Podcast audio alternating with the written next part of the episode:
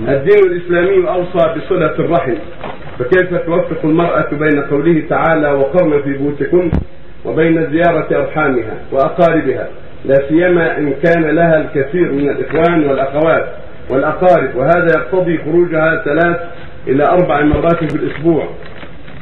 ليس من شرط الصلة الزيارة إذا وصلتهن بالكلام أو بالهاتف أو بالمكاتبة أو بإرسال الحاجة من النفقة. والمساعدة حصل المقصود. وليس من اللازم أن أن تخرج كل ساعة لأرحامها وأقاربها. فالصلة تكون بالمال المرسل إليهم وتكون بالمكاتبة وتكون من طريق التليفون الهاتف. كل هذا وتكون من طريق الوصية توصي فلانة فلانة يبلغون قريباتها السلام وقريبها السلام والتحفي منها. والزوج بالخيار إن شاء اذن لها وإن شاء منعها.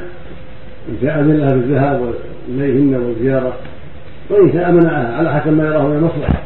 وإذا كانت الزيارة في أوقات متباعدة مع الحجاب ومع الحشمة ومع الاستقامة فالاولى له ان يسمح لها في أوقات مناسبة. تصل أختها خالتها عمتها أمها إلى غير ذلك.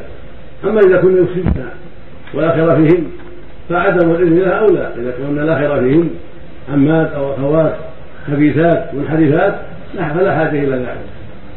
إذا أراد أن تصلهن بالمال لفقرهن تصلهن من دون حاجة إلى الذهاب إليهن لفسادهن أو انحرافهن.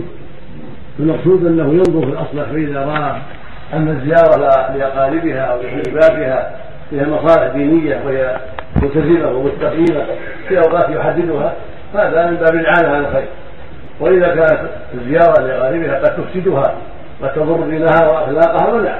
ينظر في الاصلح